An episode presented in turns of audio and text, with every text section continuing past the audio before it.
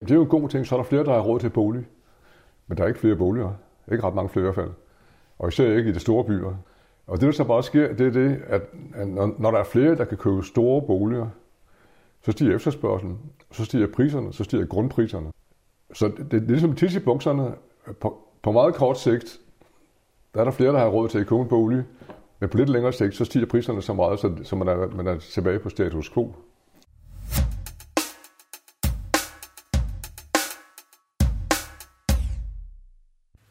Velkommen til Økonomi i Øjenhøjde. Det skal handle om boligmarkedet, et emne, jeg har været nysgerrig på, siden jeg havde min samtale med Ib Ravn om pengeskabelsen, hvor problemstillingen er, at private bankers udlån øger boligpriserne. Jeg kan nu bedre se sammenhængen mellem pengeskabelsen og boligmarkedet, som blev diskuteret i afsnit 2 og afsnit 8, og så endelig i det her afsnit, hvor vi går i dybden med boligmarkedet og hvad der påvirker det. Så hvis du finder denne samtale spændende, vil jeg anbefale at give dem et lyt så vel. Man siger, at boligmarkedet er en fest, men hvem er egentlig inviteret? Hvis man skal tro dagens gæst, han skifter Andersen, ville det være forkert at kalde det en fest. Boligmarkedet skulle være bedre reguleret, og prisernes himmelflugt kan blive et endnu større problem for fremtidige generationer, der gerne vil ind på boligmarkedet. At have sit eget hjem er et livsvilkår for mennesker. Alligevel bliver boliger behandlet som et spekulationsobjekt, hvor velhavende personer og store fonde opkøber boliger for at kunne score en gevinst på sigt. Godt for dem, skidt for os, der ønsker at komme ind på boligmarkedet. Det er ikke et nemt emne at gennemskue, men jeg synes, at afsnittet her giver et godt fundament for at forstå nogle af de mekanismer og regler, der er på spil, når det gælder boligmarkedet. Hvis du lærer en ting eller to, håber jeg, at du vil følge økonomi i øjenhøjde på Facebook, hvor der vil komme en masse materiale til at opnå en bedre forståelse af samfundet. For nu, rigtig god fornøjelse med afsnittet.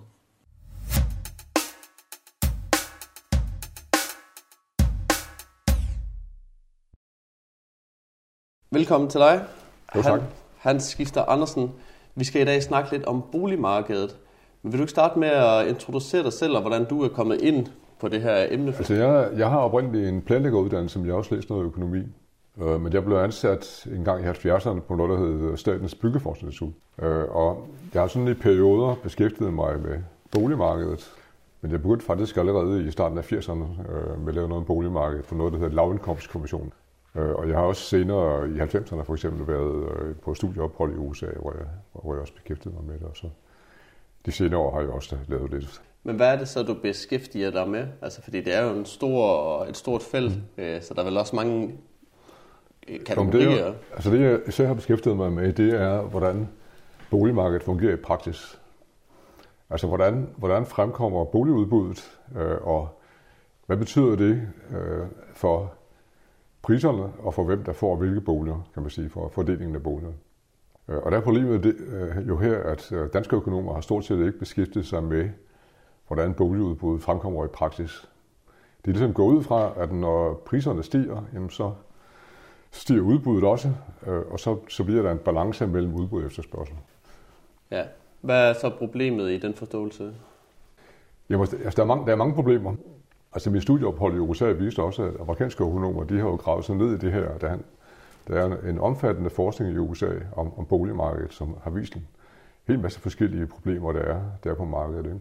Altså for det første kan man jo sige, at der er ikke kun ét boligmarked, der er mange forskellige boligmarkeder. Altså der er for det første en opdeling mellem øh, ejerboliger og uddannelsesboliger og andelsboliger, som i en vis udstrækning, som har meget forskellige øh, vilkår, og som i en vis udstrækning også henvender sig til, til forskellige mennesker. Øh, og så er der jo lokale boligmarkeder. Altså de fleste, de søger bolig der, hvor de bor, i nærheden af, hvor de bor. Øh, altså når man bor i Lemvi, så søger man ikke bolig i København, så umiddelbart vel.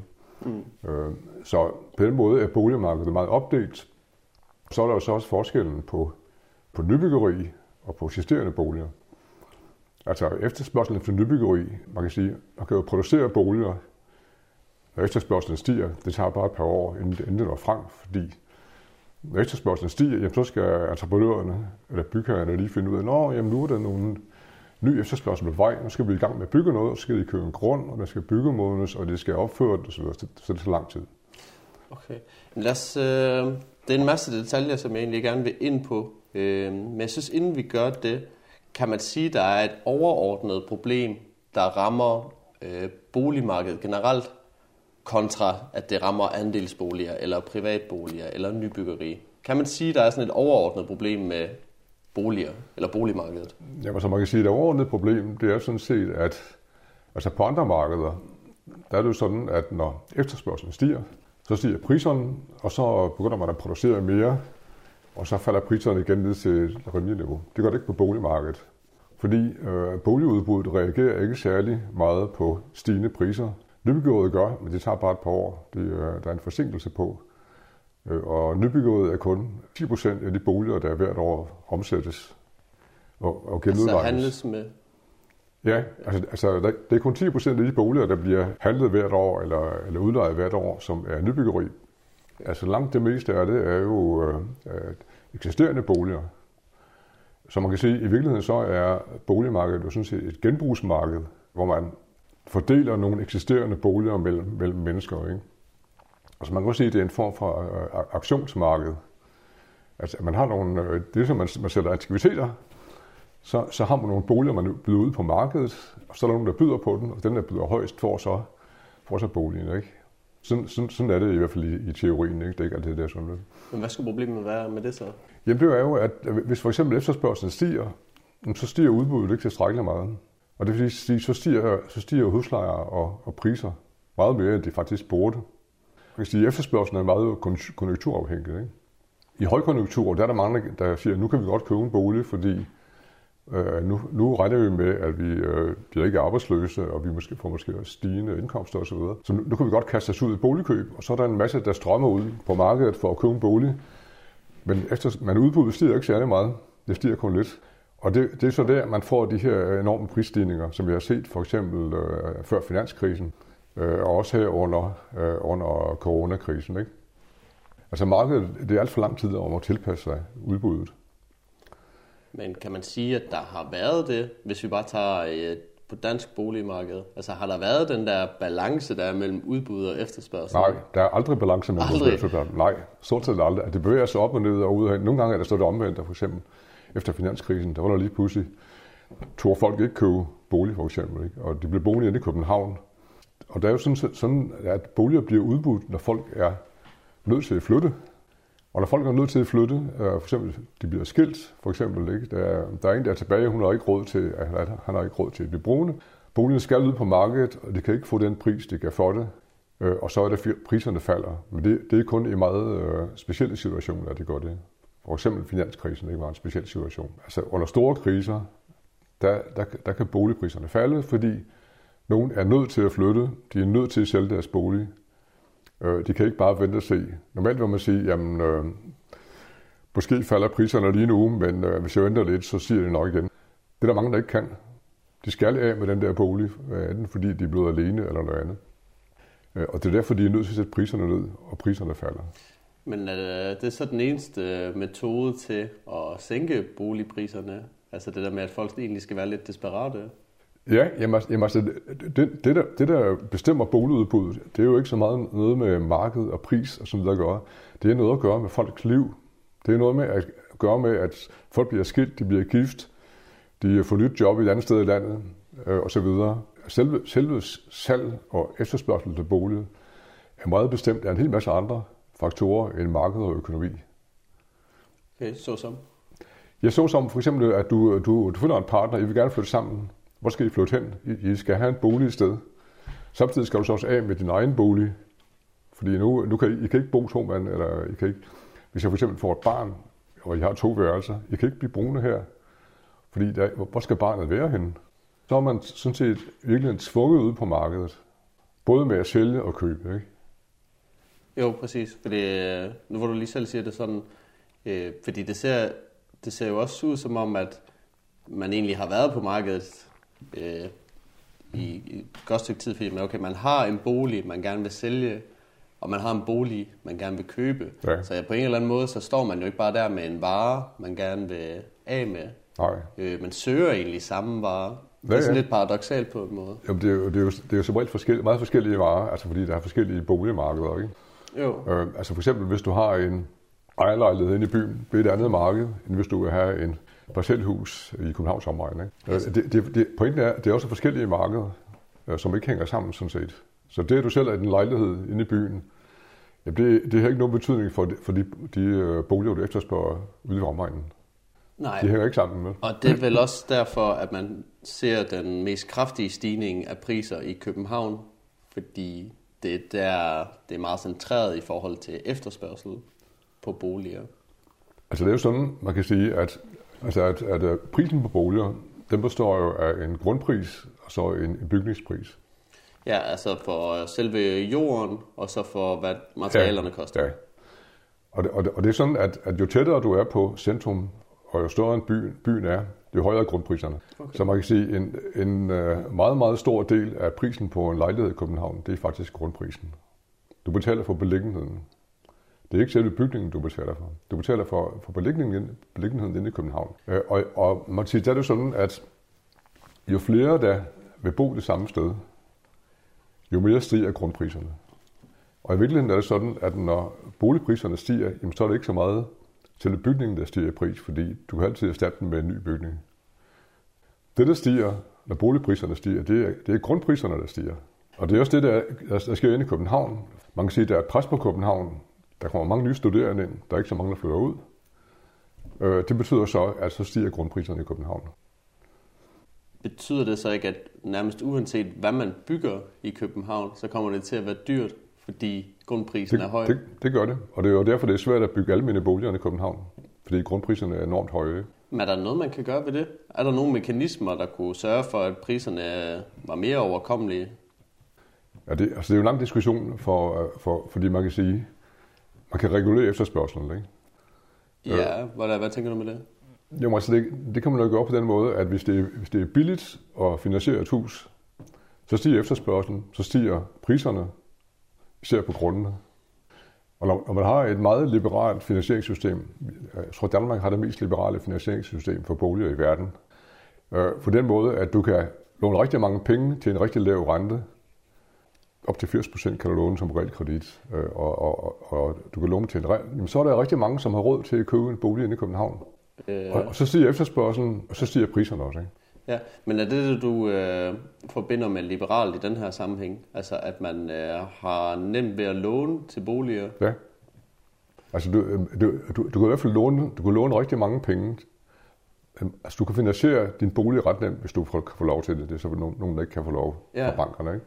Jo. Men hvis du sammenligner med for eksempel lande som Tyskland, der er der meget højere krav til opsparing, før man kan, få, før man kan købe en bolig. Okay, men er det ikke også en god ting? Altså, fordi nu har jeg jo... det er jo det er jo som tisse i bukserne, ikke? Fordi øh, øh, altså det, man jo gjorde i, øh, i Nordland, det var, at man indførte det, der hed øh, afdragsfri lån. Ikke? Ja. Og det var, fordi politikerne sagde, jamen det er jo en god ting, så er der flere, der har råd til bolig. Men der er ikke flere boliger. Ikke ret mange flere i hvert fald. Og især ikke i de store byer. Og det, der så bare sker, det er det, at når, når der er flere, der kan købe store boliger, så stiger efterspørgselen, så stiger priserne, så stiger grundpriserne. Så det, det, er ligesom tisse i bukserne. På, på meget kort sigt, der er der flere, der har råd til at købe en bolig. Men på lidt længere sigt, så stiger priserne så meget, så, så man, er, man er tilbage på status quo. Okay.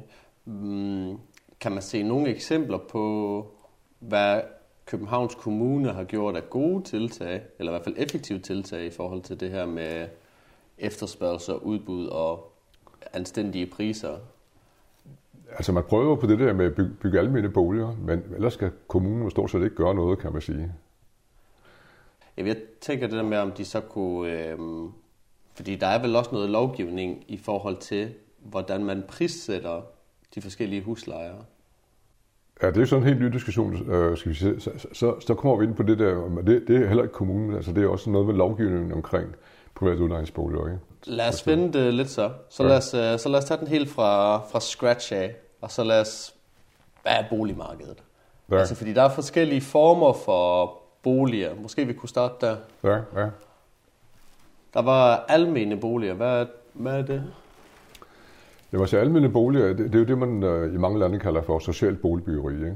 Altså det, det er ligesom et beskyttet del af boligmarkedet, som får en eller anden form for offentlig støtte, og hvor der også i, i mange andre lande, der er der øh, nogle krav til indkomst og så videre. Det er der ikke så meget i Danmark. Det ene, det ene pointe, det er sådan set det, at øh, de får støtte øh, til, til nybyggeri, og den anden del, det er, at, at huslejerne stiger ikke mere end øh, omkostningerne i boligerne. Altså der er ikke nogen gevinster i, i almindelige boliger, som det er i andre lille boligmarkeder, der er der jo kapitalgevinster, når hele prisniveauet stiger. Det er der ikke i almindelige boliger. Fordi de er ejet af... De er ejet af non-profit øh, boligselskaber, ikke? Øh, og øh, huslejen beregnes efter, øh, hvad det koster at drive boligerne. Ikke? Er det så med øh, den her non-profit organisations løn inkluderet? Ja, ja. Altså, altså det, det, det, det, det er så drifts, driftsudgifter, og øh, hvis det har, noget, har nogle lån, så er det udgifter på lån osv. Og, så videre, Og ikke? vedligeholdelse vel også? og vedligeholdelse og sådan noget. Ikke?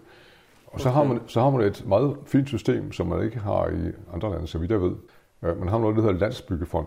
Fordi det er jo sådan, at øh, efter, efterhånden, øh, så har man jo betalt lånene ned i de almindelige boliger. Ikke? Og så i stedet for bare at sænke huslejen i, nogle, i de gamle boliger, det kan man så, det, de så også lave i en vis udstrækning. Men så, når så lånet er betalt ud, så fortsætter man med at indbetale de samme penge til Landsbyggefonden. Og denne Landsbyggefonden, det bliver så brugt øh, dels, dels til istandsættelser, og dels til øh, det, der hedder boligsociale indsatser i, i udsatte Men er boligområder. det ikke? kun i forhold til øh, almene boliger, eller er det... Kun i forhold til almindelige boliger. Ja. Okay. Så man kan sige, at man har en ressource der, som, som er, øh, skal vi sige, en, en meget stærk ting for, for den almindelige sektor i Danmark. Ikke? At man, at man kan sige, at det er en sektor, der sådan hviler i sig selv. Ja. Den er ikke drevet af kapitalgevinster, og, og der bliver ikke hævet penge ud af den, som det gør i alle de andre boligformer. Okay, Jamen lad os prøve at hoppe over til dem. Hvad er det for nogle boligformer? Jamen, så er der, man kan sige, de private udlejningsboliger. Øh, Og der har man jo øh, siden krigen haft øh, regulering. Det har man også i mange andre lande, men på andre måder. Øh, Regulering, af den- at- og der er selvfølgelig det der med, øh, man kan sige, det er jo en sektor, hvor der er, per definition er en, en modsætningsforhold mellem udlejer og lejer. Ikke? Mm. Udlejerne vil gerne have højere lejeindtægter. Lejerne de vil gerne have sikkerhed for, hvor de bor, så de kan siges op, og de kan øh, huslejen ikke stiger mere end højst nødvendigt. Ikke? Øh, og der har man så haft, øh, der er masser af regler for opsigelse osv. osv. og lejekontrakter. Man kan ikke bare se folk op, og man kan heller ikke lave midlertidige lejekontrakter og sådan noget generelt. Vel? Øh, men det, det vigtigste er sådan set, at der har været en regulering af, af huslejeniveauet. Ikke? Og der er det sådan, at i alle ejendomme med mere end seks boliger, øh, og nogle, der er også nogle andre regler, der har det været sådan, så øh, huslejen skulle være det, der hedder omkostningsbestemt. Det vil sige, at øh, huslejen i private udlejningsboliger, den bliver beregnet ud fra de udgifter, som, som udlejeren har.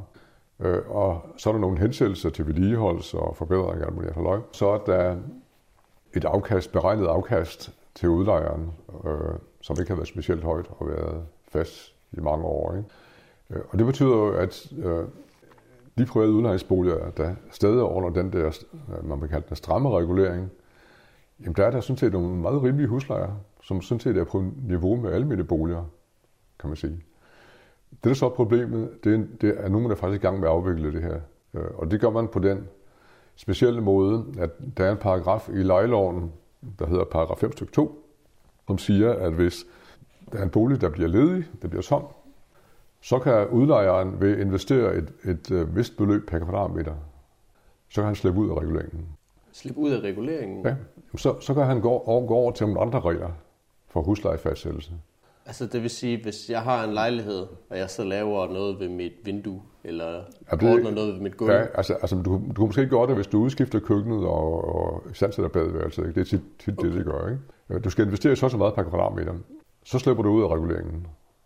Og så overgår du til en meget løsere regulering, der har noget med det lejes værdi, men som er, er meget, meget fleksibel. Ikke? Men øh, konsekvensen er i praksis, at øh, huslejen stiger mellem to og tre gange ved den der øvelse der. Ikke? To til tre gange, Ja, i hvert fald to gange. hvordan altså, hvis den var 4.000 før, Ja, så er den 8.000 efter, ikke? Nå, hold da. Hvor, hvor længe har man haft den lov? Altså, øh, Ja, den, den blev faktisk to, allerede, øh, jeg tror det var i 99 eller sådan noget, ikke? men det er så meget tid inden udlejerne er blevet opmærksom på den. Men det er sådan, så har det så også alle, været tydeligt? alle, alle professionelle udlejere, også, og især pensionskasserne, de bruger den der regel. Ikke? Og, og, det, og det betyder, at man kan bo i en ejendom, hvor dem, der har øh, boet der mange år, de betaler mm, 5.000 kroner, og dem, der har så lige er flyttet ind, de betaler mås- måske 12.000. Ja. Øh, og, og, og det der, det er jo så med til at booste øh, huslejerne i København. Ikke? Gælder det også øh, erhvervslokaler? Og der har været nogle andre regler. Der, der har været nogle mere liberale regler med erhvervslokaler Okay. i, i, i, Altså, mange, fordi i mange år. Det, jeg kommer til at tænke på det, fordi øh, jeg har arbejdet for nogen, der nemlig fik udskiftet øh, nogle store partivinduer. Ja, Øh, og så steg deres øh, husleje med 25 procent. Det var Okay. så 2.000 mere. ja, ja. Øh, Jamen, der, der, er også, der, er, altså, der, er også, der er også med den regulerede husleje, der er der også sådan, som man kan, hvis udlejeren gennemfører forbedringer, kan han også øh, hæve huslejen efter nogle bestemte regler, ikke? men, men øh, ikke, ikke så meget som, som er de andre regler der. Okay, så Men, det er men, egentlig... Men, men den, den der øh, paragraf 5 stykke 2, det betyder i virkeligheden, at reguleringen på sigt faktisk vil blive helt, helt øh, afviklet. Ikke? Øh, og, at, og at øh, private udlejningsboligers husleje, den, den, den stiger enormt meget, ikke? især i København. Ja, men det er vel også bare en metaforisk knap for at netop, nu gør jeg lidt ved lejligheden, deraf skal prisen stige. Øhm, hvor man kunne måske godt ønske sig nogle knapper, der gjorde, at huslejerne faldt i stedet for. I hvert fald som det, lejer. Det er nok ikke rimeligt. Eller, Ikke rimeligt. eller, man, man kan sige, altså, altså, der er jo en enorm, altså, de har nogle enorme gevinster i den her. Ikke? Og det er derfor sådan nogle som øh, Blackstone og sådan nogle der, de har kastet sig over danske udlejningsboliger, ikke? fordi øh, altså, der er enorm gevinst ved købe en ejendom, og så efterhånden som lejerne flytter væk, så, så er hævet niveauet til, til, til det flerdobbelte. Ikke? Ja, der er vel både i forhold til leje, men vel også bare ved kontant pris, altså at der er god gevinst der. Ja, fordi så, så stiger ejendom, ejendommenes værdi stiger også øh, meget. Ikke? Og, og, og her for nylig, da der var en debat om det, der Blackstone-indgreb, øh, som regeringen lavede, der var nogle, nogle regler om, at man skulle have ejet ejendommen ved seks år, før man kunne begynde at lave det der. Ikke? Okay. Der påstod øh, udlejerforeningen, at hvis man fjernede den her øh, paragraf 5 stykke 2, så vil øh, priserne på udlejningsejendommen falde til det halve. Så, så det vil sige, at den her regel alene har betydet, at øh, værdien af udlejningsejendommen er fordoblet. Ja, Og, og, og der, er der, der, der er der sådan nogle gevaldige gevinster, som bliver trukket ud af boligmarkedet her, ikke? af Blackstone og andre, kan man sige. Og det, det er så noget, som lejerne kommer til at betale for i mange år fremover. Ikke? Alle de unge i dag, de kommer til at betale øh, for de der gevinster, som, som der, bliver, der bliver trukket ud af boligmarkedet. Ikke? Ja, men jeg har godt hørt nogen sige, at øh, folk, der ikke er på boligmarkedet, de er på røven, og folk, der kom ind på boligmarkedet for et år 10, to årtier siden, det er dem, der ligesom scorer kassen ved det, fordi de har fået Ja. det til rigtig gode priser. Ja, Og det passer jo egentlig også nogenlunde omkring med den der stykke 2, den er trådt i kraft der. Men hvad, hvem, er det de unge, der taber ved, det her, at ved den her Jamen udvikling? det, det er det jo, altså generelt på boligmarkedet er det jo de unge, der, der taber ikke, fordi der bliver trukket en masse penge ud af, bolig, ud af boligmarkedet via de her gevinster, ikke? og nogen skal jo betale for dem. Ikke? Øh, Og man kan sige, at det er jo lidt det samme så på, på andelsboligmarkedet. Øh, Der, der indfører man også, altså i gamle der var det sådan, at øh, andelsværdien, det som man betaler for at få en bolig, ikke? det blev beregnet som forskellen mellem den offentlige øh, vurdering af ejendommen, og så de lån, man havde. Ikke? Man kan sige, øh, du har en værdi, og så har du nogle lån, og så er der forskellen, det er andelsværdien, øh, og så betaler du din del af den, øh, efter hvor mange kvadratmeter du, du nu har. Ikke? Der indførte man så også for nogle år siden øh, en ny metode, som er kaldt for valu- valuarvurderinger. Og det betyder, at andelsboligforeningen, det er jo, altså andelsbolig er ejet af en forening, kan man sige, ikke? Ja. Den kunne så bede en eller anden ejendomsmælder gå ind og vurdere, og så skulle, i princippet skulle ejendommen så vurderes som en udlejningsejendom. Og i gamle dage, der var udlejningsejendommen ikke ret meget værd på grund af reguleringen, ikke? Men, men altså nu har øh, udlejningsejendommen, de er jo sådan gået den vej op her i øh, værdi, og det betyder så, at andelsboligejendommen også er steget gevaldigt af værdi. Det betyder så, at når der kommer nogle nye andelsboligkøbere, så skal de betale meget højere andelsværdi. Altså det er stadig sådan så, at øh, det er en økonomisk fordel at købe en andelsbolig frem for en ejerlejlighed. Det er ikke noget helt deroppe. Priserne på andelsbolig er også, også steget enormt meget her de sidste 20 år. Ja, men øh, hvad siger du så til den holdning, hvis at det bare, jamen det er sådan markedet fungerer. Altså så dem, der havde fået en god bolig til en god pris, de har været lidt heldige, sådan er livet nogle gange. Dem, der står uden for, uden for markedet, Jamen det, det er bare ærgerligt. jamen det er jo det, økonomerne vil sige, ikke? men problemet er bare, at man ved alt for lidt om, hvordan markedet fungerer. Hvis, hvis man vidste det, så må man vide, at det, det, det er nødvendigt at regulere boligmarkedet. Hvis man ikke gør det, jamen så er det sådan, der bliver trukket gevinster ud, øh, og folk kommer til at bo meget, meget dyrere. Okay. Øh, altså det er fordi, man har den der øh, øh, laissez-faire-holdning, jamen øh, markedet, et marked, øh, altså økonomerne mener jo altid, at markeder bør ikke reguleres, det bør være frie markeder osv. osv. Ikke? Men man, man, man, man, kan, man kan ikke se, at der faktisk er store problemer på det her marked. Det kan det i USA. Altså i USA har det ikke så meget regulering, men til gengæld så har de opdaget en masse problemer med forslumning af boliger, øh, boligmangel, hjemløse og dyre boliger og alt muligt andet halvøj. Ikke?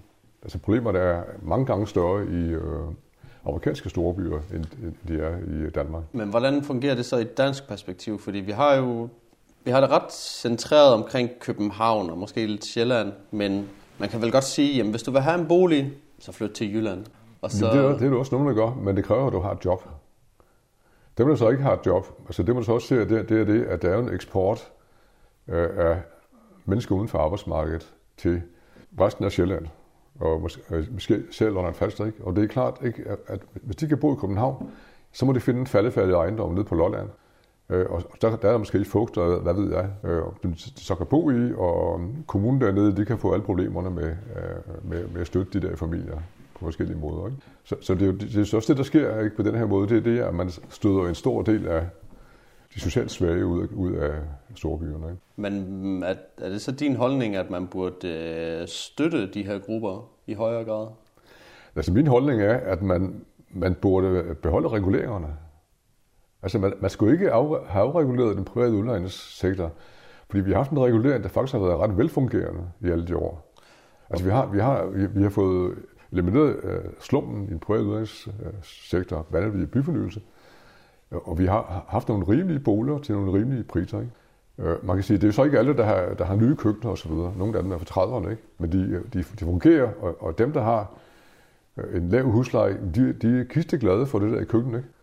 Altså, det, det er den der, den der øh, ideologi om, at markedet skal ikke være reguleret. Men på boligmarkedet, der er det faktisk nødvendigt at regulere. Kan vi så tale lidt om, hvilke, øh, lad os sige fra 80'erne og frem efter, hvilke reguleringer har fungeret, og hvilke reguleringer har man fjernet, som måske ikke var så god en idé? Jeg kan synes jeg ikke huske nogen reguleringer, der, der, der har fungeret dårligt. Altså, faktisk har man været ret god til, synes jeg, til at lave de, de der Men reguleringer. Men hvad med den der, for eksempel øh, den der paragraf 2? 5 stykke 2. At det var... Ja, det, er, det er jo en afregulering, kan man sige, ikke? Det kan man godt sige. Okay. Ja, det er det faktisk ikke, fordi man går ind og siger, jamen, øh, I kan slippe fri af den her regulering, hvis I bare lige putter nogle penge i nogle nye køkkener og badeværelser, ikke? Okay. Jamen, i mit hoved fungerer det lidt som en regulering, fordi man ligesom sætter en regel op. Hvis I gør det her, så kan I gøre det her. Ja, ja men altså, det, det, det er jo virkelig, altså, virkelig, det er virkelig en afregulering af de regler, der, der er i forvejen, det kan man sige. Ja. Hvad har så fungeret godt af reguleringer? Det må være noget nemmere at svare på, så. Jamen, jeg synes, jeg synes at den der regulering, vi har haft, for eksempel, at privat uddannelsessektor har fungeret rimelig godt, ikke? Altså, vi, vi, er, vi, vi, har, vi har ikke meget slum, og vi har heller ikke meget, mange dårlige boliger. Hvad er det, man har gjort der?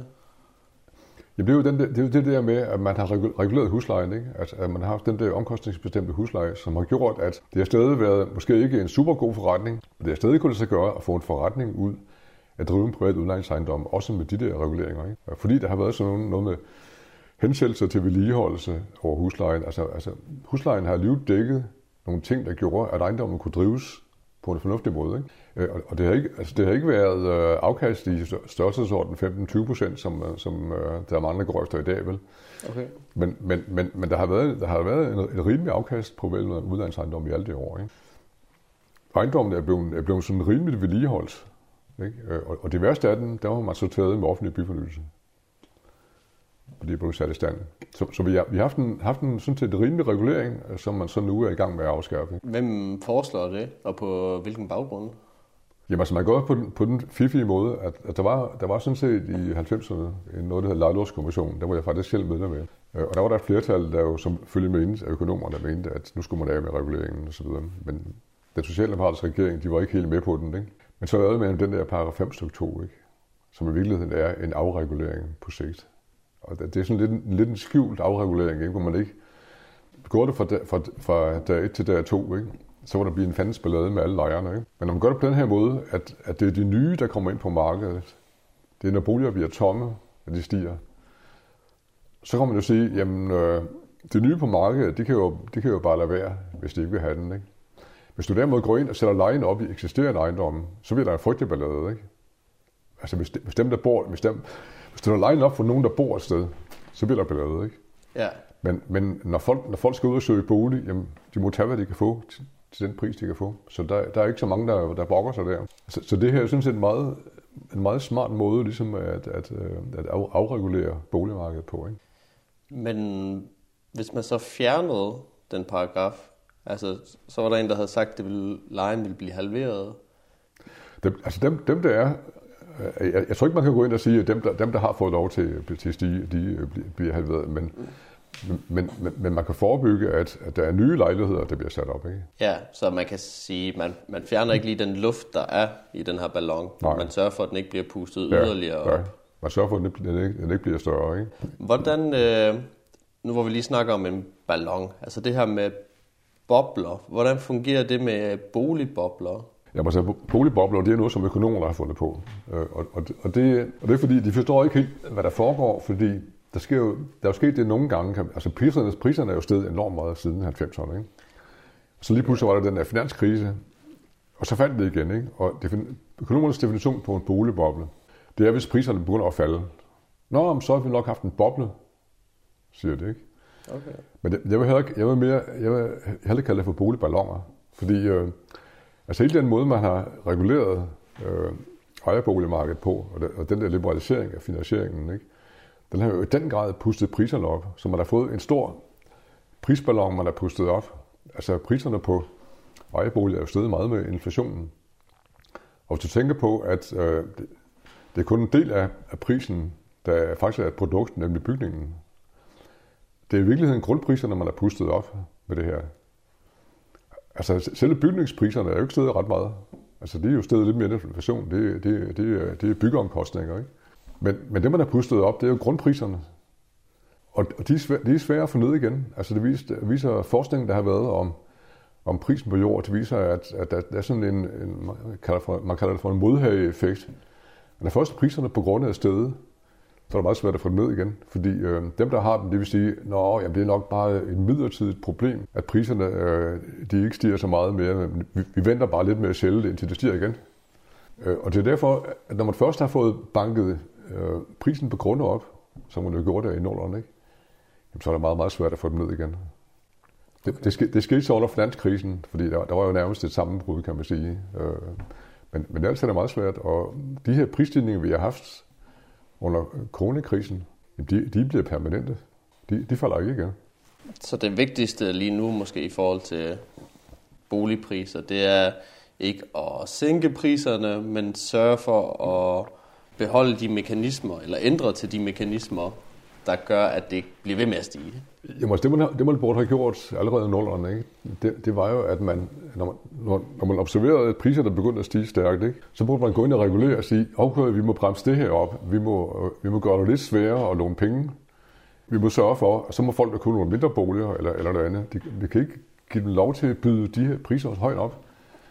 Men det er ligesom om økonomerne siger, jamen det der regulerer markedet, det må I hellere holde os fra. Det, sådan noget gør vi ikke. Man burde allerede dengang, og man burde aldrig have lavet det der autostrygelån. Det, det, var, det, det var det, det, det rene galmandsværk, ikke? fordi det var det, der pustede, det var faktisk det, der skabte boligboblen under finanskrisen. Ikke? Jo. At man jo. fik pustet priserne så højt op, så, så lige pludselig skulle det, kunne det ikke bære mere. Ja, lad os, uh, lad os, jeg vil gerne høre din mening om det. Fordi jeg blev faktisk lidt overrasket. Altså det her med økonomi, det er relativt nyt for mig. Øh, så jeg blev lidt overrasket over, da jeg fandt ud af det her med, at banker og realkredit og ejendomsmælere, at, at det faktisk er under samme tag. At der, hvor du får øh, lån til din bolig, det er, ja, det er realkredit, og det er banker, der ejer det. Øh, som for eksempel ved nykredit, så har du nybolig. Ved Danske Bank har du Home. Øh, og de har så også nogle af deres ejendomsmalere.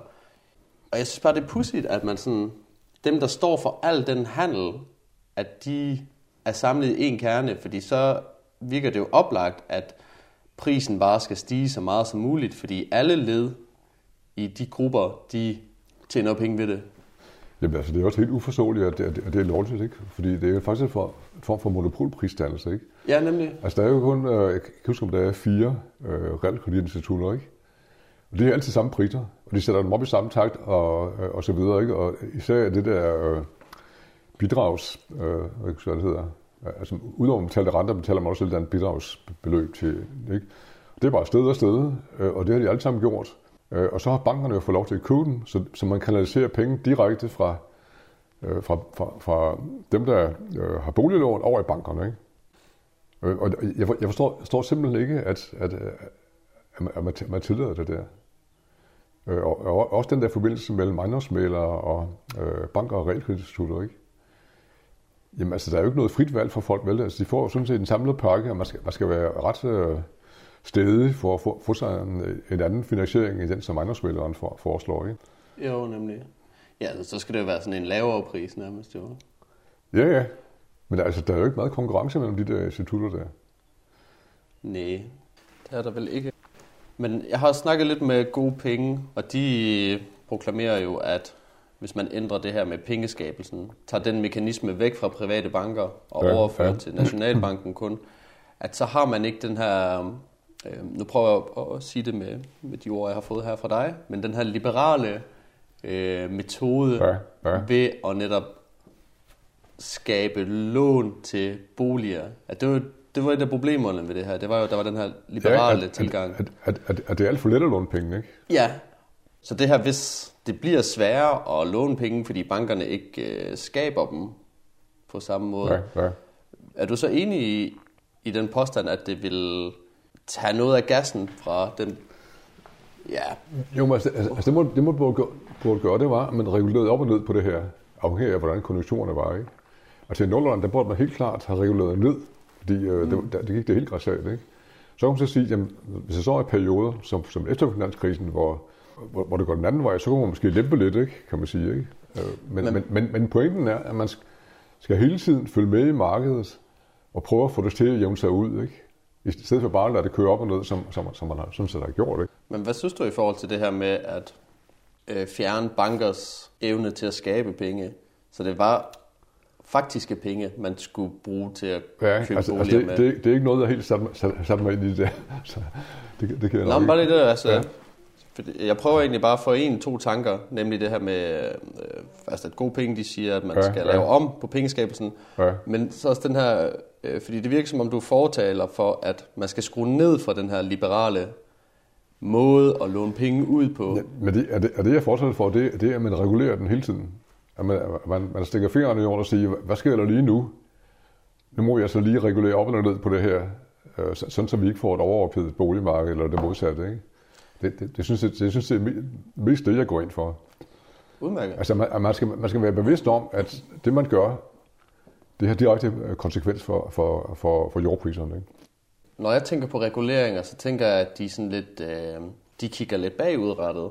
Altså, der, var, der skete nogle af de her tilfælde her, eller der har lige været højkonjunktur eller lavkonjunktur. Ja. Derfor regulerer vi lige derefter kontra at jo, se der, fremad. Der, der er jo sådan set ret gode aktuelle data hele tiden om, hvad der sker på boligmarkedet. Altså, Finans, øh, hvad hedder det, Finansrådet, ikke? de laver hele tiden statistik. Det er nærmest en måned bagud og sådan noget. Ikke? Man kan hele tiden se, hvad der sker. Øh, og der findes masser af gode statistikker om, hvor, mange boliger der er nu på markedet, og hvordan er prisudviklingen. Ikke? Det kan man sagtens bruge til at sige, hov, nu er det altså lidt for, lidt for meget det gode, nu må vi lige sætte tempoet ned her. Ikke? Okay. Synes du, der så skulle være sådan et individuelt råd eller lignende, der skulle det, lave de her anbefalinger til? Ja, det kunne være Nationalbanken simpelthen. Ikke? Og Nationalbanken har også været ude her øh, for nylig og sige, at nu må jeg altså, altså dengang der priserne begyndte at stige under coronakrisen, nu må jeg altså gå ud og sætte en hæle i, men det vil regeringen ikke, vel? De, de, vil, de vil ikke genere nogen boligejere. Tænk, tænk på dem, der ikke kan få det hus, de gerne vil have. ja, det vil være lidt. Men det er jo også bare, at et scenarie, der kommer til at ske på lang sigt, altså det der, at folk ikke kan få de boliger, de vil have. Fordi det er vel rigtigt nok, at det er blevet sværere for den almene borger at få boliger, eller få, et, få sit eget hjem. Altså det afhører ligesom, hvilket ambitionsniveau man har, ikke? Kan man sige. Du kan altid, du kan altid få en, øh, en bolig i lejre, eller, hvor, eller, eller, eller, eller et sted på Sjælland, hvis du vil det. Jamen, jeg tænker at eje, altså det der, ja, det er blevet nemmere du, eller sværere at eje. Jo, altså, du, kan, altså, hvis du kommer en ejerbolig nede i Faxe, det er meget billigere, ikke? Og der er faktisk mange, der, der pendler fra Faxe til København, ikke? Det er så også et problem, ikke? Men, men du kan altid få en bolig, det er spørgsmål om dit ambitionsniveau. Nu kommer jeg jo fra Jylland, og der kan vi jo godt lave lidt sjov med, at det man kan få en etværelses for i København, ja, ja. det kan man jo få en gård for ja, i, ja, ja. i og det er jo helt utroligt, ikke? Ja. Og det, det er jo ikke fordi bygningerne er dyre i København, det er fordi grunden er dyre. Ikke?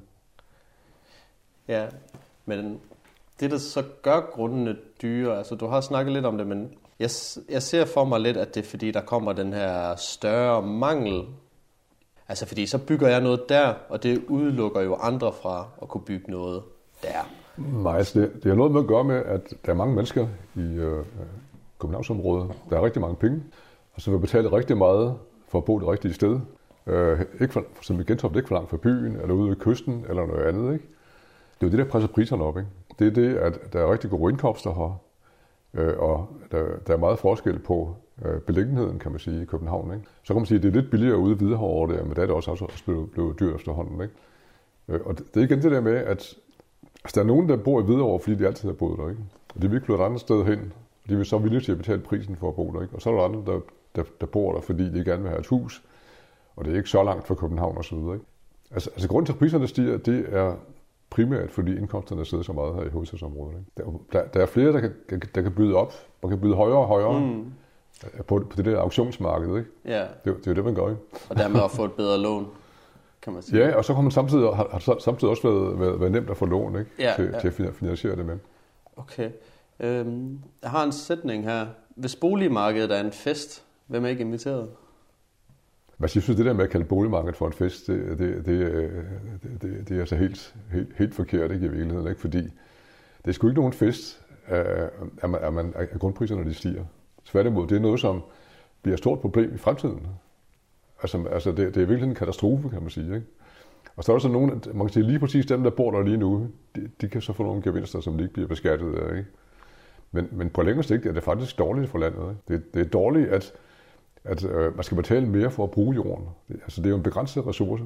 Ja, men hvad hvis man ser på det med sådan et øh, balanceperspektiv, at okay, det kan godt være, at det er dårligere for dem, der gerne vil bo i København, fordi der stiger priserne, men til gengæld for Farum eller andre steder, at så går folk jo mere i den retning, fordi der er priserne bedre. Så der sker den her balancering, hvor alle sammen ikke bare flytter til København, men Jo, men altså, der sker jo det, at alle priserne stiger i hovedstadsområdet. Ikke? De stiger bare lidt forskelligt sagt. Altså, jo længere, jo længere væk du er fra bymidten af en, af en stor by, øh, jo lavere er grundpriserne. Ikke? Og derfor er det, er det så også billigere at bo. Det er klart, hvis du flytter op til Hundested, det er så det billigste sted i, i regionen, ikke, kan man sige. Ikke? Altså, det, det er et spørgsmål hvor langt væk du vil bo fra arbejdspladserne, ikke? Som, som jo er i, høj grad centreret inde, inde omkring byen. Ikke? Så, så man kan sige, at når priserne stiger i København, så stiger de alle steder her i omegnen. De stiger samtidig alt sammen. Ikke? hvad kan man sige er med til at opretholde den her nuværende struktur på boligmarkedet?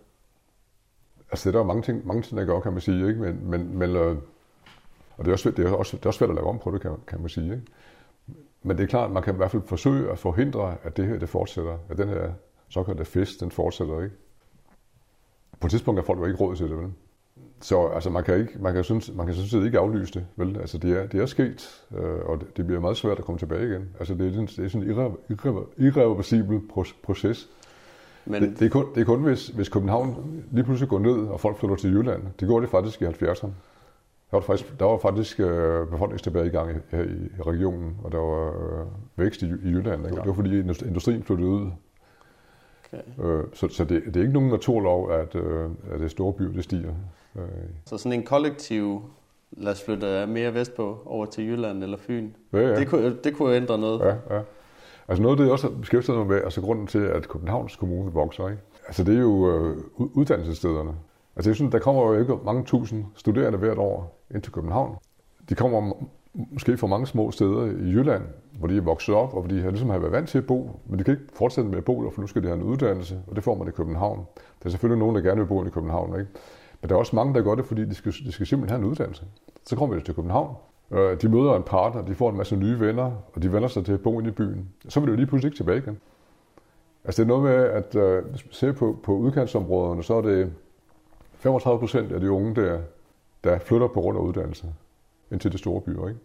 Og det er kun hver fjerde af dem, der vender tilbage igen. Okay. Så resten, resten de, de bliver inde i byen, og som man kan sige, Københavns vækst, den, den er øh, sket ved, at der er en masse unge, der kommer ind, og de bliver hængende, og der er der familie og for børn. Nogle flytter så til forstederne, andre bliver så inde i byen. Ikke? Men, men øh, altså, hvis du ser på resten andre aldersgrupper i København, så er der faktisk øh, minusvækst for København. Altså, hvis man ser for eksempel på dem over 30, der, der er faktisk mange, mange flere, der flytter ud, end der flytter ind. Ikke? Så, så det, det, det er sådan en demografisk proces, hvor der kommer nye unge ind. En af dem bliver hængende. Nogle flytter ud, men der er alligevel så, så mange, der bliver hængende. Man kan sige, det der ser skete ved finanskrisen, det var, at udflytningen gik i stå, fordi folk de, kunne- de, de kunne holde op med at købe hus. Derfor havde København øh, faktisk ret stor vækst lige efter finanskrisen. Ikke? Det er så faldet noget nu. Er der faktisk nettofraflytning fra København ikke? Øh, i forhold til resten af landet. Ja, det er jo egentlig meget interessant, at det stopper folk med at ja, flytte, fordi de ikke kan få nye hjem. Lige, øh, det får mig lidt til at tænke på det her med skattefradrag i forhold til... Øh, jeg har ladet mig fortælle for nylig, at hvis man tager et banklån, så kan man trække sin rente fra i skat. Ja. Det er korrekt nok. Ja, ja. Fordi det får mig til at se det som om, at man skifter den indtægt, der var til staten, over til bankerne. Fordi det var jo egentlig staten, der skulle have det her, den her skat her. Men Ja. den, den kan man jo så trække fra sin skat, så den får Ja. Staten jo så ikke. Nej. Og i stedet for, så får bankerne de procenter af beløbet, som man jo betaler via renten. Ja. Altså, altså det er jo sådan, man kan sige, så den gen- generelle regel har været øh, omkring, øh, skal vi sige, øh, kapitalafkast, ikke? Det er det, at man bliver, man bliver beskattet af kapitalindtægter, og man trækker kapitaludgifter fra, ikke? Og man kan sige, at renten, renten er en kapitaludgift, ikke? Hvis du har, øh, hvis, hvis du har nogle obligationer, så får du nogle, nogle renteindtægter, så betaler du skat, ikke? Så, så, så man kan sige, det, det er sådan set været den generelle regel, at man gjorde det på den måde, ikke? Og det er så problemet med boligen, kan man sige. Det er jo det, at indtægterne ikke beskattes. Og der har økonomerne så opfundet noget, der hedder lejeværdi i egen bolig. Lejeværdi i Af egen bolig. Hvor det siger, jamen, øh, når når man køber en bolig, så er det en investering. Ja. Og den der investering, der giver et afkast af, at du bor gratis. Du betaler ikke husleje. Nej, ja. Og, og der har man så haft det princip af, af at man, man kunne trække renteudgifterne fra i skat. Og altså, det, det gør jeg, da jeg for mange år siden byggede et hus i et bofællesskab, der var renten øh, på 18 procent. Så, så der, der betød det der rentefradrag faktisk ret enormt. Ikke? Men det er det sådan, så, så altså, det, der hedder lejeværdi i egen bolig, det hedder i dag ejendomsværdiskat. Så man kan sige, man skal sammenligne fradrag for renteindtægt, for renteudgifter med den, den der ejendoms, ejendomsværdiskat, som er 1% af, vurderingen. Ikke? Men, altså i virkeligheden, i virkeligheden i dag er fordelen ved rentefradrag, den er ikke særlig høj. Altså det, det, der, det der virkelig har, har været øh, fordelen i dag, det er jo kapitalgevinster.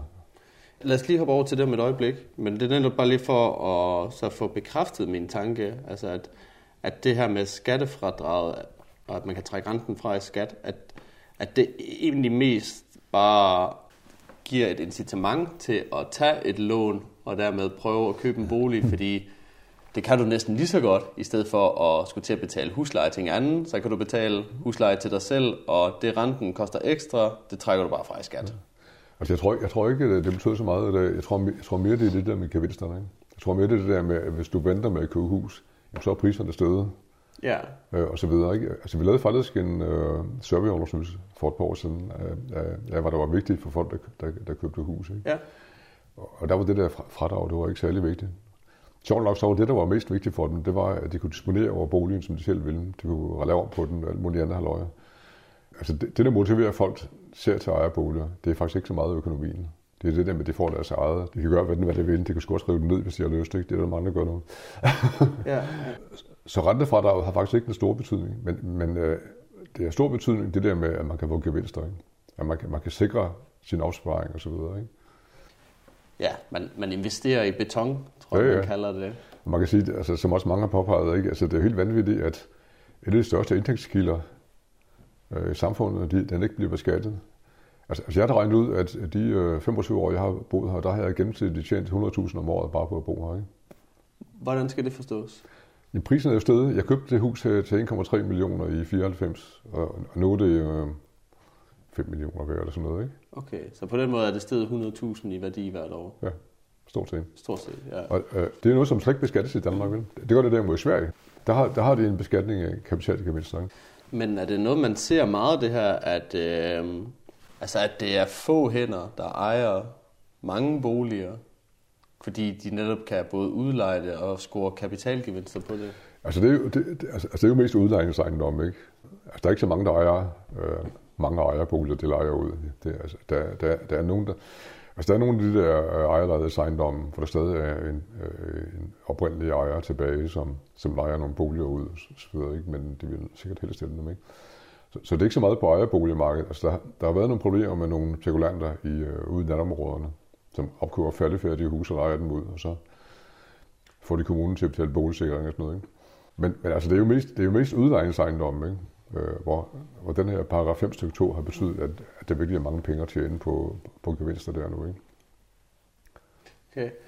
Hvad så med i forhold til øh, udlandske hænder? Altså kan man sige, hvis vi bare tager København som eksempel, øh, ved du, hvor mange af de af, af boligerne, der er ejet af udlandske virksomheder eller fonde? Eller... Nej, det, det, det tror jeg ikke, man ved. Man ved, at der er nogen, der rigtig har, har opgjort. Øh, jeg tror ikke, det er så mange. Jeg tror, at det er danske ejere. Ikke? Altså, de der kapitalfonder, de har jo set, der bliver jo tjent mange penge her. Øh, så, de, så de har så kastet sig ind i det, som Blackstone for eksempel. Ikke? Det er amerikansk, ikke? Ja, det er amerikansk kapitalfond, der.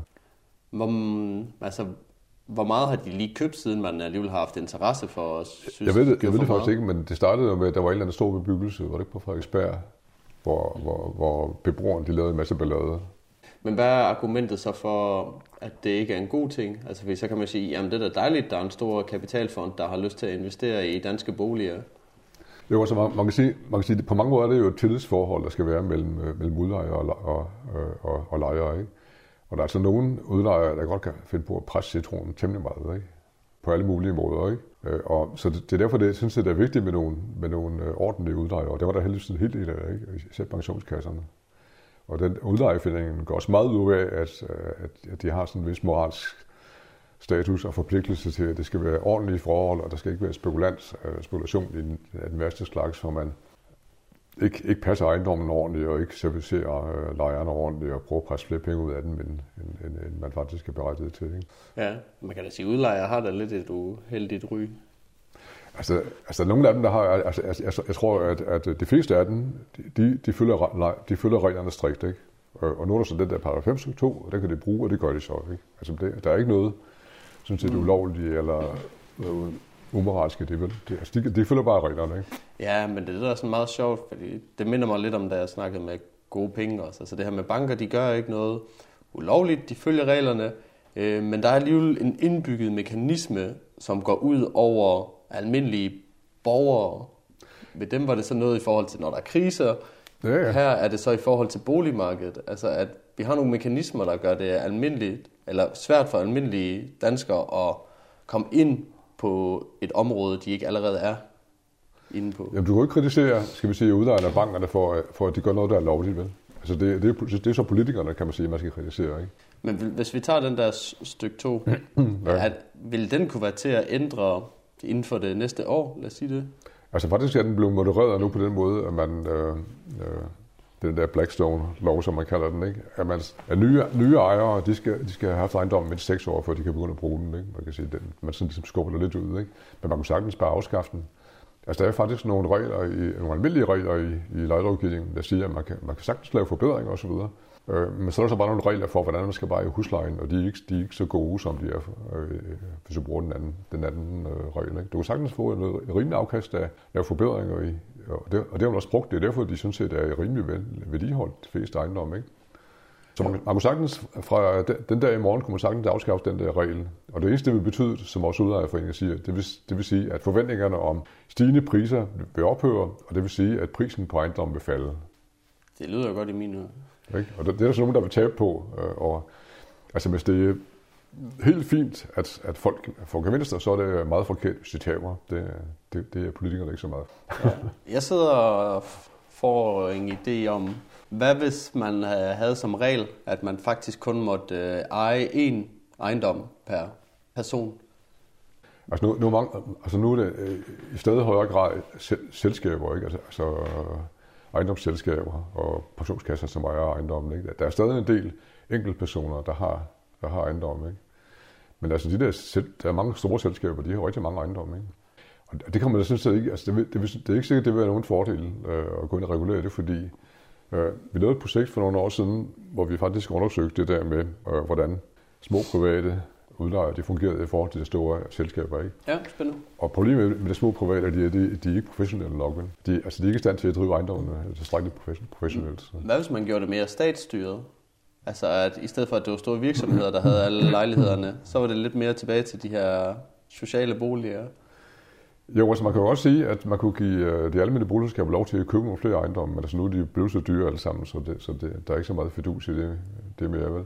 Men øh, altså ellers kan man sige, man, altså man har jo sådan set et, øh, nogle private investorer, som poster penge i, i boligejendomme, ikke? og det er jo det er i princippet en god ting.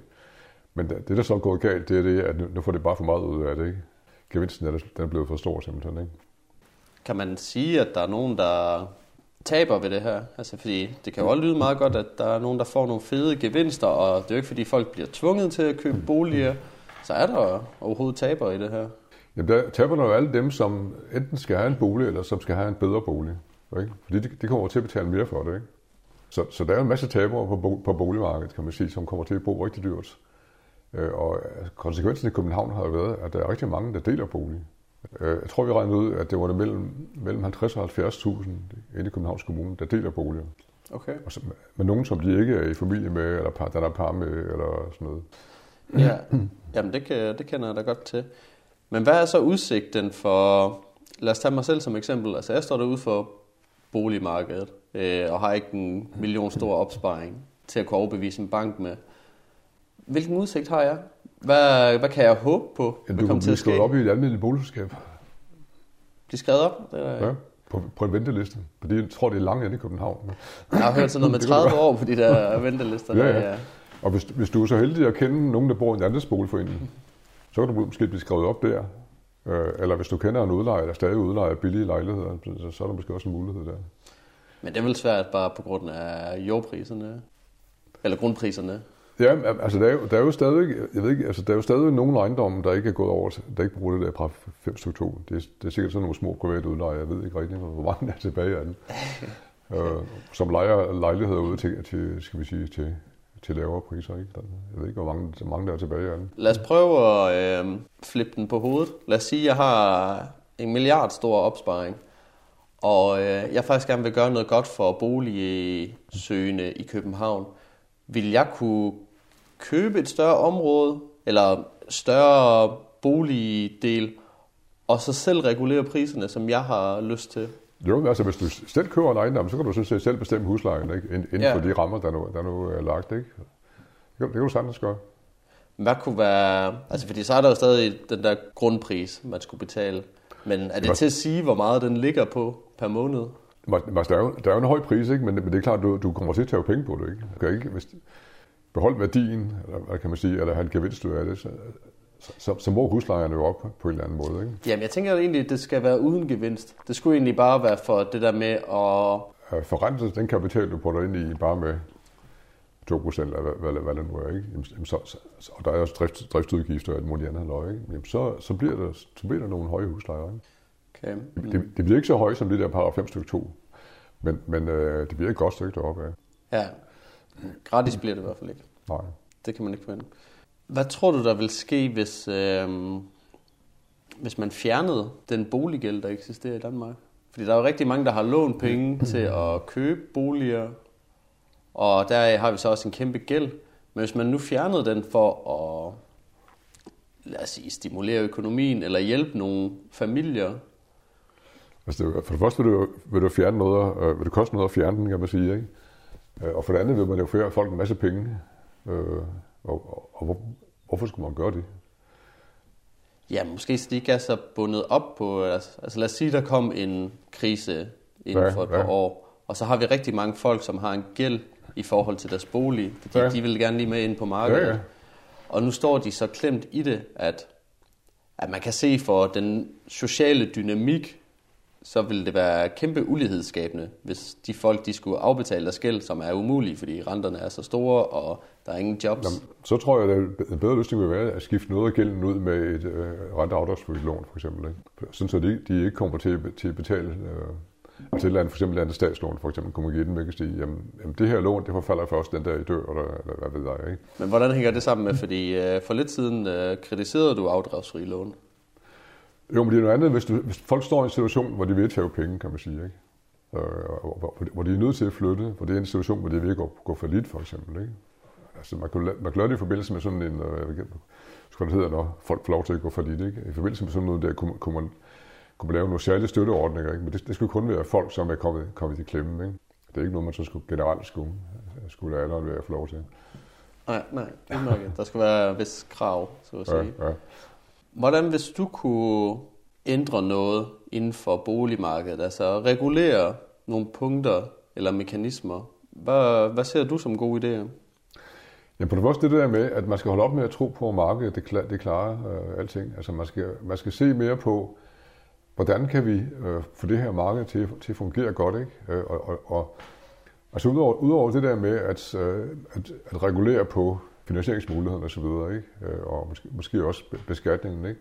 så kan man også ind og se på, hvordan, hvordan fremkommer boligudbuddet, øh, og især hvordan fremkommer nybyggeriet, øh, og hvorfor har vi sådan et problem med, at nybyggeriet altid halter bagefter, og så bliver der sådan en overshooting, og jeg tror i øjeblikket, tror jeg faktisk, det er i gang med en slags overshooting, fordi det bliver bygget så frygtelig meget. Altså, at de bygger mere, end der er brug for? De bygger meget mere, end der bliver brug for. Og det hænger jo blandt andet sammen med den måde, skal vi sige, hele planlægningssystemet fungerer på. Mange andre byer, der har man sådan en overordnet storbykommune, for eksempel i Wien, som dækker hele by, storbyområdet. Ikke? Og så har man nogle underordnede distriktskommuner, der står for den offentlige service. Ikke? Øh, og den overordnede storkommune, det er den, der udlægger grunde, planlægger, hvor skal der bygges, øh, og så videre, så videre. I Danmark er det sådan, at hver enkelt kommune, de sidder der og fifler med nogle kroner, og skal vi nu bygge det her ud, og skal vi, eller skal vi lade være, og hvad så med skoler og alt muligt. Ikke? Og faktisk var et af problemerne der i slutningen af 90'erne, det var, at der var ikke nogen kommuner, der udbød nogen grunde. Og derfor steg priserne gevaldigt. Ikke? Altså det er meget vigtigt, at man ser på, hvor er det, der kan bygges inden? Øh, hvordan kan vi, hvordan kan vi undgå, at grundpriserne stiger mere end højst nødvendigt? Det, det, det, det, det, er, det er altså alfa og omega, og det kan man ikke i et system, hvor der er 50 kommuner, der hver for sig sidder og tager sine egne beslutninger. Men hvordan påvirker det hinanden, altså kommunerne imellem? Altså, hvad, hvad, hvilken forskel ville det være, om det var styret fra et sted eller 50 steder? Jo, det, det, der sker lige nu, det er, jo, det er jo det, at når boligpriserne stiger, f.eks. i København, når det er første omgang, så betyder det, at grunden er alt andet lige over hele regionen bliver mere, mere værd, kan man sige. Ikke? Øh, og det gør det jo, fordi det er et begrænset antal grunde. Øh, og når, når der er en bygherre, der endelig får fat i en grund, så siger han, Nå, jamen, altså inde i København, der kan vi sælge dem så så meget, og når vi så tager, øh, det vil sige herude kan vi sælge dem for så så meget, øh, og bygningsprisen det og det, så bliver grunden faktisk mere værd. Og man kan se, at alle de her projekter, der er der en kamp mellem bygherrerne og kommunen om at få lov til at bygge mest muligt på den samme grund. Ikke? Altså det gælder, det gælder om, at det man tjener penge på, det er faktisk øh, at udnytte grunden. Ikke? Altså jo mere man kan få lov til at bygge, øh, og jo færre grunden der er, jo højere bliver priserne. Så, så man kan sige, at alene det, at man har et, et, et fuldstændig kaotisk øh, jordmarked, øh, øh udbygning af grunde i, i regionen, ikke? Det, det, det gør jo, at priserne det bliver for høje. Men hvordan ville det så være anderledes, hvis det ikke var 50 kommuner, der skulle slås om jamen, det? Jamen det, det hvis det var der overordnet, altså man, før tiden, der havde man noget, der hed Hovedstadens Udviklingsråd, der prøvede at lave sådan nogle øh, planlægninger og sige, at vi kan udbygge der og der, og vi kan gøre sådan og sådan, ikke? Øh, og, det har man jo ikke i dag, vel? Man, man kan jo hele tiden ligesom følge mere med og så sige, jamen, hvor er det nu, vi skal placere nogle strategiske grunde, øh, og, og, og, og hvornår skal vi... Det er selv det med forbyggemodende grunde, ikke?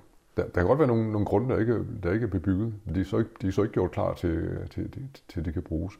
I øjeblikket der er alle kommunerne i gang med at bygge mod en grunde lige pludselig. Ikke?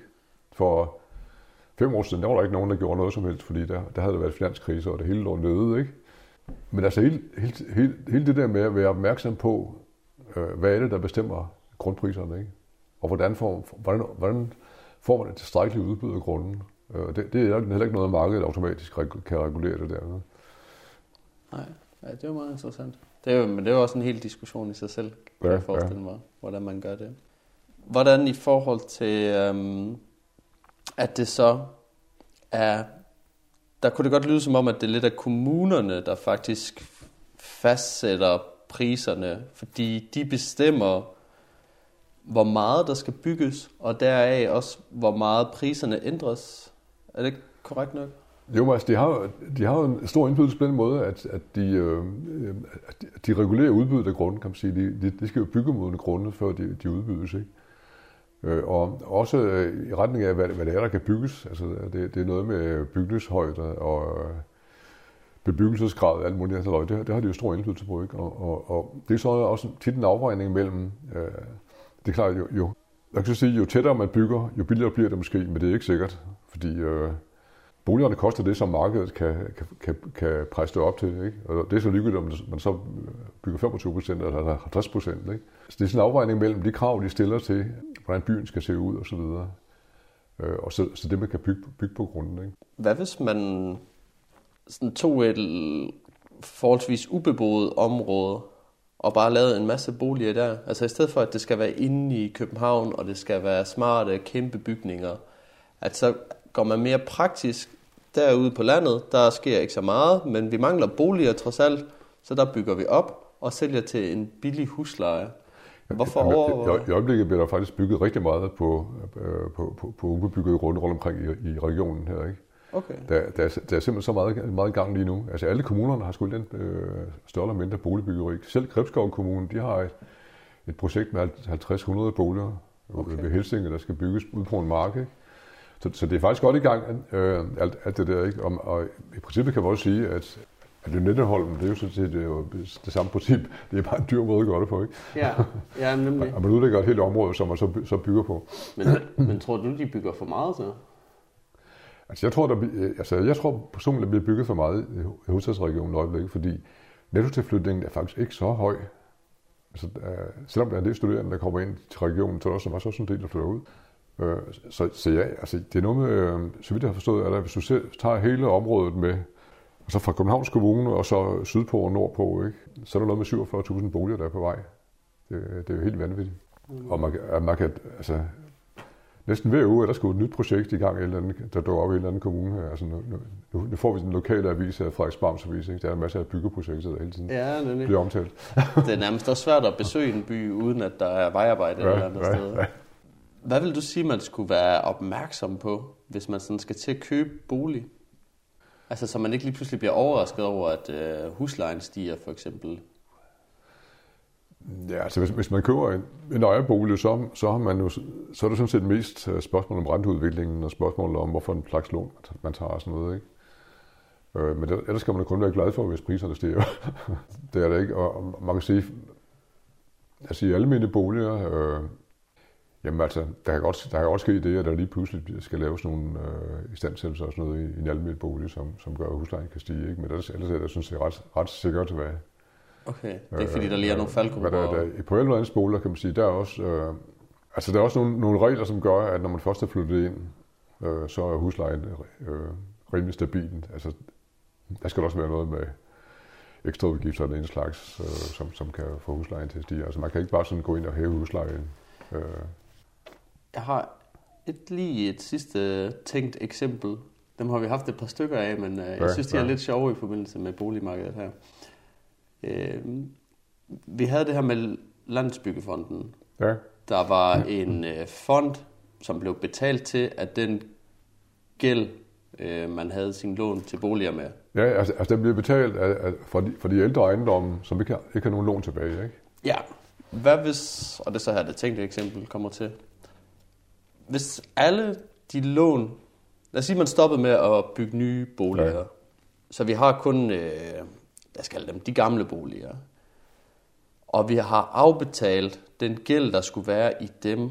Hvad gør det for vores boligmarked, at vi ikke har så meget gæld, men vi faktisk har ja, færdige bygninger, der egentlig bare kræver øh, vedligeholdelse og sådan lidt drift? Ja, altså du tror jeg, det er et meget tænkt eksempel, det der. øh, og Altså det vil så kun være den almindelige sektor, hvor, hvor, hvor, hvor, der, man kunne tænke sig måske at sige, jamen nu har vi råd til at sætte huslejerne ned eller sådan noget. Ikke? I resten af boligmarkedet, der tror jeg, der vil være nogle investorer, der, der gerne høster en gevinst. Ja, øh, så den almindelige sektor er altså det, som er drevet af staten? Nej, altså det er jo, det er jo, øh, det er jo selvejende, det er, det er, de er faktisk private. Det er, okay. det er, selv, det er selvejende øh, boligforeninger, der, øh, der faktisk ejer den. Ikke? Så er det så det, at, at, øh, Altså der er jo det lovgivning og, og kontrol af den, fordi de får offentlig støtte, kan man sige. Ikke? Øh, og øh, en del af den kontrol, det er jo sådan set, at, at politikerne kan til vis grad bestemme, hvad Landsbyggefonden skal bruge sine penge til. Og der er det jo blandt andet bestemt, at man skal bruge en masse penge på, på, på det, de kalder for øh, ghettoområder, ikke? Øh, mere eller mindre nødvendigt. Der har, der har de udskrevet 12 milliarder for landsbyggefonden til, til de, der, de der områder, som er led i et eller andet politisk. Hvad gør man der så? Altså, hvad, hvad, hvad hjælper de penge? Ja, det er et godt spørgsmål. men, men altså, det der, det der jo er øh, målsætningen, det er jo, at de vil, de vil gerne udtønde andelen af indvandrere til det område. Altså, det, det, det, det drejer sig helt klart om, at man kan ikke lide, som det blev sagt øh, i Folketinget, man kan ikke lide, at der er boligområder i Danmark, hvor etniske danskere er mindretal. Så, så det, det er det, man vil lave om på. Man skal have de der minoriteter spredt ud på en bedre måde. Det, det synes jeg, det der er ideen i det. Ikke? Ja, selvom det gør det ikke meget nemmere at se, hvordan pengene skal hjælpe på det. Jo, fordi det, altså det man så gøre, det er det, at man øh, bygger den om. Øh, altså man kan jo, man kan jo ikke gå ind og sige, øh, du kommer fra Palæstina, og du må flytte. Det kan man da ikke, vel? Altså det er, jo, det er jo diskrimination. Så det man går i stedet for det, går man og siger, jamen den der bolig, du bor i, den bliver solgt til, som private udlejningsboliger nu. Til gengæld bygger vi så nogle nye, men der, men, men der er du ikke berettiget til at flytte ind. Så du er nødt til at flytte. Hvorfor siger man det? Altså fordi du ikke har boet i Danmark i 30 år, eller hvordan? Jamen, altså, altså det, kriterierne for de der bebyggelser, det er jo, at der skal være mindst 50 procent, øh, som enten er født, født i såkaldt ikke-vestligt land, eller er øh, efterkommer af nogen, der er født i ikke-vestligt land. Ikke? Okay, men er det ikke bare at rykke lidt rundt på situationen? Altså, jo, det vil det sikkert blive, fordi de, de skal jo bo et sted. Ikke? Det kunne godt ligne, at det måske er de samme lidt vilkår, der gør, at de søger et bestemt sted hen. Jamen, altså, der, er, der er frygtelig ballade, og der er også nogle retssager, der kører om det her, fordi øh, der er nogen, der mener, at det, det er diskrimination direkte. Ikke? At det er indirekte diskrimination. At man udvælger nogle bebyggelser, mange indvandrere, så siger man, her nedlægger vi en masse boliger, så flytter vi jo ud, øh, og så bygger vi nogle andre, eller vi, vi sælger boligerne til nogle andre, som så kan bestemme, hvem der skal flytte ind, og det skal så ikke være ja. Ja. Altså der er for eksempel regler, der siger, at, at ikke-vestlige indvandrere og efterkommere, de må ikke flytte ind i de her bebyggelser. Okay. De, de kan blive øh, sagt op, og de kan, de kan blive flyttet over til andre bebyggelser, men de må ikke flytte ind. Man vil have en anden etnisk sammen, sammensætning af områderne. Ikke? Ved du, hvordan det fungerer med ukrainske flygtninge lige for tiden? Altså det er, fordi jeg forestiller mig, at så kommer de til Danmark, hvor man har sagt, ja. vi vil gerne tage imod jer. Men man kræver vel ikke husleje fra dem, eller hvordan fungerer det? Jo, så man, man gør nok på den måde, at man, man giver dem øh, noget støtte, øh, altså, altså en offentlig støtte, nogle penge, og så skal de selv betale husleje. Ikke? Og så får de måske også boligsikring og sådan noget. Ikke? Det er den måde, det fungerer på. Men der har problemer også, som vi havde. Definitionen på de her ghettoområder, det er jo, at der er så så mange ikke-vestlige beboere. Ikke? Og ukrainerne, de regnes for ikke-vestlige. Så det vil sige, at når ukrainerne flytter ind, så stiger andelen af ikke-vestlige beboere lige pludselig, og det er jo mod målsætningerne. Ja. Og det er så været en diskussion, om, om, om, hvad man skulle gøre ved det. Man kan sige, generelt kan ikke-vestlige jo ikke flytte ind i de her områder, men ukrainerne, der har man så lavet en særlig lov, hvor ukrainerne de får lov til at flytte ind, selvom de er ikke-vestlige. Det er sådan en lex ukrainer, ikke? Nu, nu, nu er der nogen, der kan godt få lov til at flytte ind, hvis de andre ikke kan. Okay, meget spøjst. Så tror jeg bare, jeg har et sidste spørgsmål. Egentlig, ja. øh, det med den her... Jeg kan godt have det sådan, hvis jeg beskæftiger mig meget med noget, at så, så ligger jeg og drømmer om det om natten, typisk. så jeg har egentlig bare lyst til at spørge, om det også er sket for dig, altså nej, du ligger og drømmer om bolig nej, og... Nej, det, det, det, det, det er det i hvert fald ikke. Altså, nej. jeg har også beskæftiget mig med det i, i 40 år næsten, så... Jamen, det er det, jeg tænker sådan i... Så, om nogle nej, gange, så kommer der bare det her typiske billede af... Ja, ja. Nej, det, det, det, det er ikke noget, der plager mig sådan set. nej. Er det så noget, du sådan... Øh, tager med dig i hverdagen? Altså, eller jeg kan måske spørge, hvordan tager du det med dig i hverdagen? Og... Ja, jeg, tager, jeg tager det med mig på den måde, at når jeg læser en eller anden artikel om, hvad der sker noget, og så tænker så tager, så tager jeg mig til hovedet og tænker, kan du ikke finde på noget andet? Eller, eller det, det her, det er jo helt forkert, ikke? Altså, det, hvad synes man, du? Jeg vil sige, noget af det, jeg er meget skuffet over, det er, at danske økonomer, de ikke beskæftiger sig med det her område. Det gør de faktisk ikke. Hvad synes du så, de burde øh, kigge på? Altså, hvad... ja, det burde, de burde kigge på den der amerikanske forskning om, om de der særlige problemer, der er på boligmarkedet. Ikke? Altså for eksempel det der med, man kan jo ikke, altså på andre markeder, der kan man jo bare begynde at producere, når der er efterspørgsel. Ikke? Det kan man ikke på boligmarkedet. Fordi nybyggeriet, dels tager det lang tid at komme i gang, og dels er der mange, der ikke har råd til et nybyggeri. Ikke? Altså man skal se på, at det er jo virkelig et omfordelingsmarked, det er et auktionsmarked, som ikke reagerer på, på samme måde, som andre markeder gør. Og det, det, er ikke noget, det er ikke noget, der interesserer økonomerne det er for kompliceret. De, de kan ikke lave en anden smart model, som lige øh, øh, får det her til at hænge sammen. Vel? Ja, det fungerer vel også meget godt for dem, som det gør lige nu. Altså det der med, at det er meget sådan, man ved ligesom, hvad reglerne er, og der er nogle gevinster på det på den her måde, og så sker der lige nogle bobler en gang imellem. Øh, altså, de har vel heller ikke et incitament til at blive klogere på det. Når man det ser så åbenbart ikke for sådan, nogle, sådan noget som boligmangel, pengeoverførsler, man kan sige, at man, man, man, man overfører en masse penge mellem, mellem dem, der har, ejendom og dem, der ikke har det. Ikke? Det, det er åbenbart ikke noget, der sådan set bekymrer dem særlig meget. Altså det, det, der har været en enorm omfordeling i Danmark via det, via det her boligmarked. Ikke? Fra, ja, hvem har så fået hvad, og hvem har mistet Jamen, dem, der har, dem, der har ejendom, selv dem, der har købt det på bestemte tidspunkter, de, de har fået, fået en masse penge ud af det, øh, og dem, der ikke har nogen, nogen øh, de, de, har, de, de har bare fået højere boligudgifter. Ikke? Okay.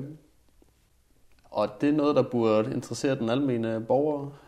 Det burde også, også interessere økonomerne, men det gør det ikke. Det burde også interessere politikerne, men, men øh, det er jo sådan, at flertallet er ejere, så dem, dem skal man helst ikke genere for meget. Ikke? Men er det, er, er det flertallet, der er ejere? Altså hvis man hvis du tager, ændrede nogle, hvis man regulerede lidt på jeg det? Jeg tror, det er noget med... Øh, altså, det er jo sådan ikke, at der bor, bor øh, som regel flere personer i ejerboliger, end det gør i uddannelsesboliger. Ikke? Det, der er der mange egentlig. Ikke? Så hvis du tager på befolkningen som sådan, så bor flertallet faktisk i, i ejerboliger. Ikke? Okay. Men er det det samme som, at der er flest, der bor i eget hjem? Ja. Altså, at de har, ja. ja, ja. De bor, de bor i eget hus eller eget, eget lejlighed. Ikke? Men så burde de vel ikke øh, blive så rørt af, hvis man regulerer boligmarkedet, sådan at huslejer bliver billigere, fordi de mister Nej. jo ikke en indtægt Nej. på det. Nej, det gør, det gør det ikke. Men det er mere det der, hvis man går ind og skal vi sige, beskatter kapitalgevinster, øh, eller noget andet. Ikke? Det, det, det, det, det, det vil de blive berørt af. Ikke? Ja, det vil de vel, men som jeg ser det, så er boliger jo ikke til for at tjene penge, de er jo for, at folk har et sted at bo. Ja, men, men øh, altså, der er mange, der tjener penge alligevel. Ikke? Jo, men det kunne man jo tage som en og, bonus. Altså, altså, altså, altså, selvfølgelig betyder det noget, når folk skal købe en bolig, at de tænker, øh, jamen hvis jeg køber en bolig, så på længere sigt, så får jeg noget ud af det. Ikke? Men det er ikke det, der er hovedmotivet øh, for den. Øh, og når folk køber en ejerbolig, så, som vores undersøgelse også viste, så er det fordi, de kan bestemme selv. De kan selv indrette boligen, de kan bygge om på den, de kan gøre alt muligt. De kan indrette haven, som de vil. Ikke? Det, det er det, der er hovedmotivet for, for egen bolig. Ikke? Øh, men, men det er klart, det betyder der noget, at, at, at der er en økonomisk gevinst. Hvis undersøgelsen der har vist, at det er en mindre betydningsfuld del, altså fordi man kommer jo ikke og fjerner folks ret til at indrette, som de vil, eller male, Nej, men altså, der er mange, der er mange, der, hvis du øh, indfører en kapitalgevinstbeskatning, så er der jo mange, der vil slå sig i tøjet og ikke sige, at vi havde regnet med de her penge og så videre. Ikke? Altså i Sverige der er det princippet det, at man, når man sælger en bolig, ser man på, øh, hvad har den oprindeligt kostet, øh, og hvad kan den sælges for nu, og hvad, hvad der er brugt af penge på investeringer i den undervejs. Og så skal man i princippet betale øh, eller en procentdel af den der gevinst. Ikke? Så er det så sådan, at hvis du køber en ny ejerbolig, så kan du overføre beskatningen som, en, øh, som, som et lån i den nye bolig, så, så, så man ikke skal betale pengene, bare fordi man flytter. Okay, ja. Men man overfører, man overfører den der, det der som et lån til staten i den nye bolig. Det virker da meget smart. Jamen, det, det har fungeret i 40 år, og det, det fungerer perfekt. Har der været en debat om det i Danmark? Ikke ret meget. Ikke ret meget. Altså, ø- økonomer, de kan ikke lide øh, gevinstbeskatning. Nej, men det er vel også politikerne, der burde tage debatten. Jamen, det er jo igen det der med, flertallet er, er ejere, ikke? Okay. Vil du sige, at der er en generel mangel på debat om boligmarkedet i Danmark? Det synes jeg faktisk, det er. Ja. Okay. Men vi kan da håbe, at øhm, det her afsnit det vil lægge op til nogen, at de bliver lidt mere interesseret og kritisk Ja, over for ja, det. ja. Du skal i hvert fald have tusind tak, fordi Ja. du vil øh, ja deltage. selv tak, ja.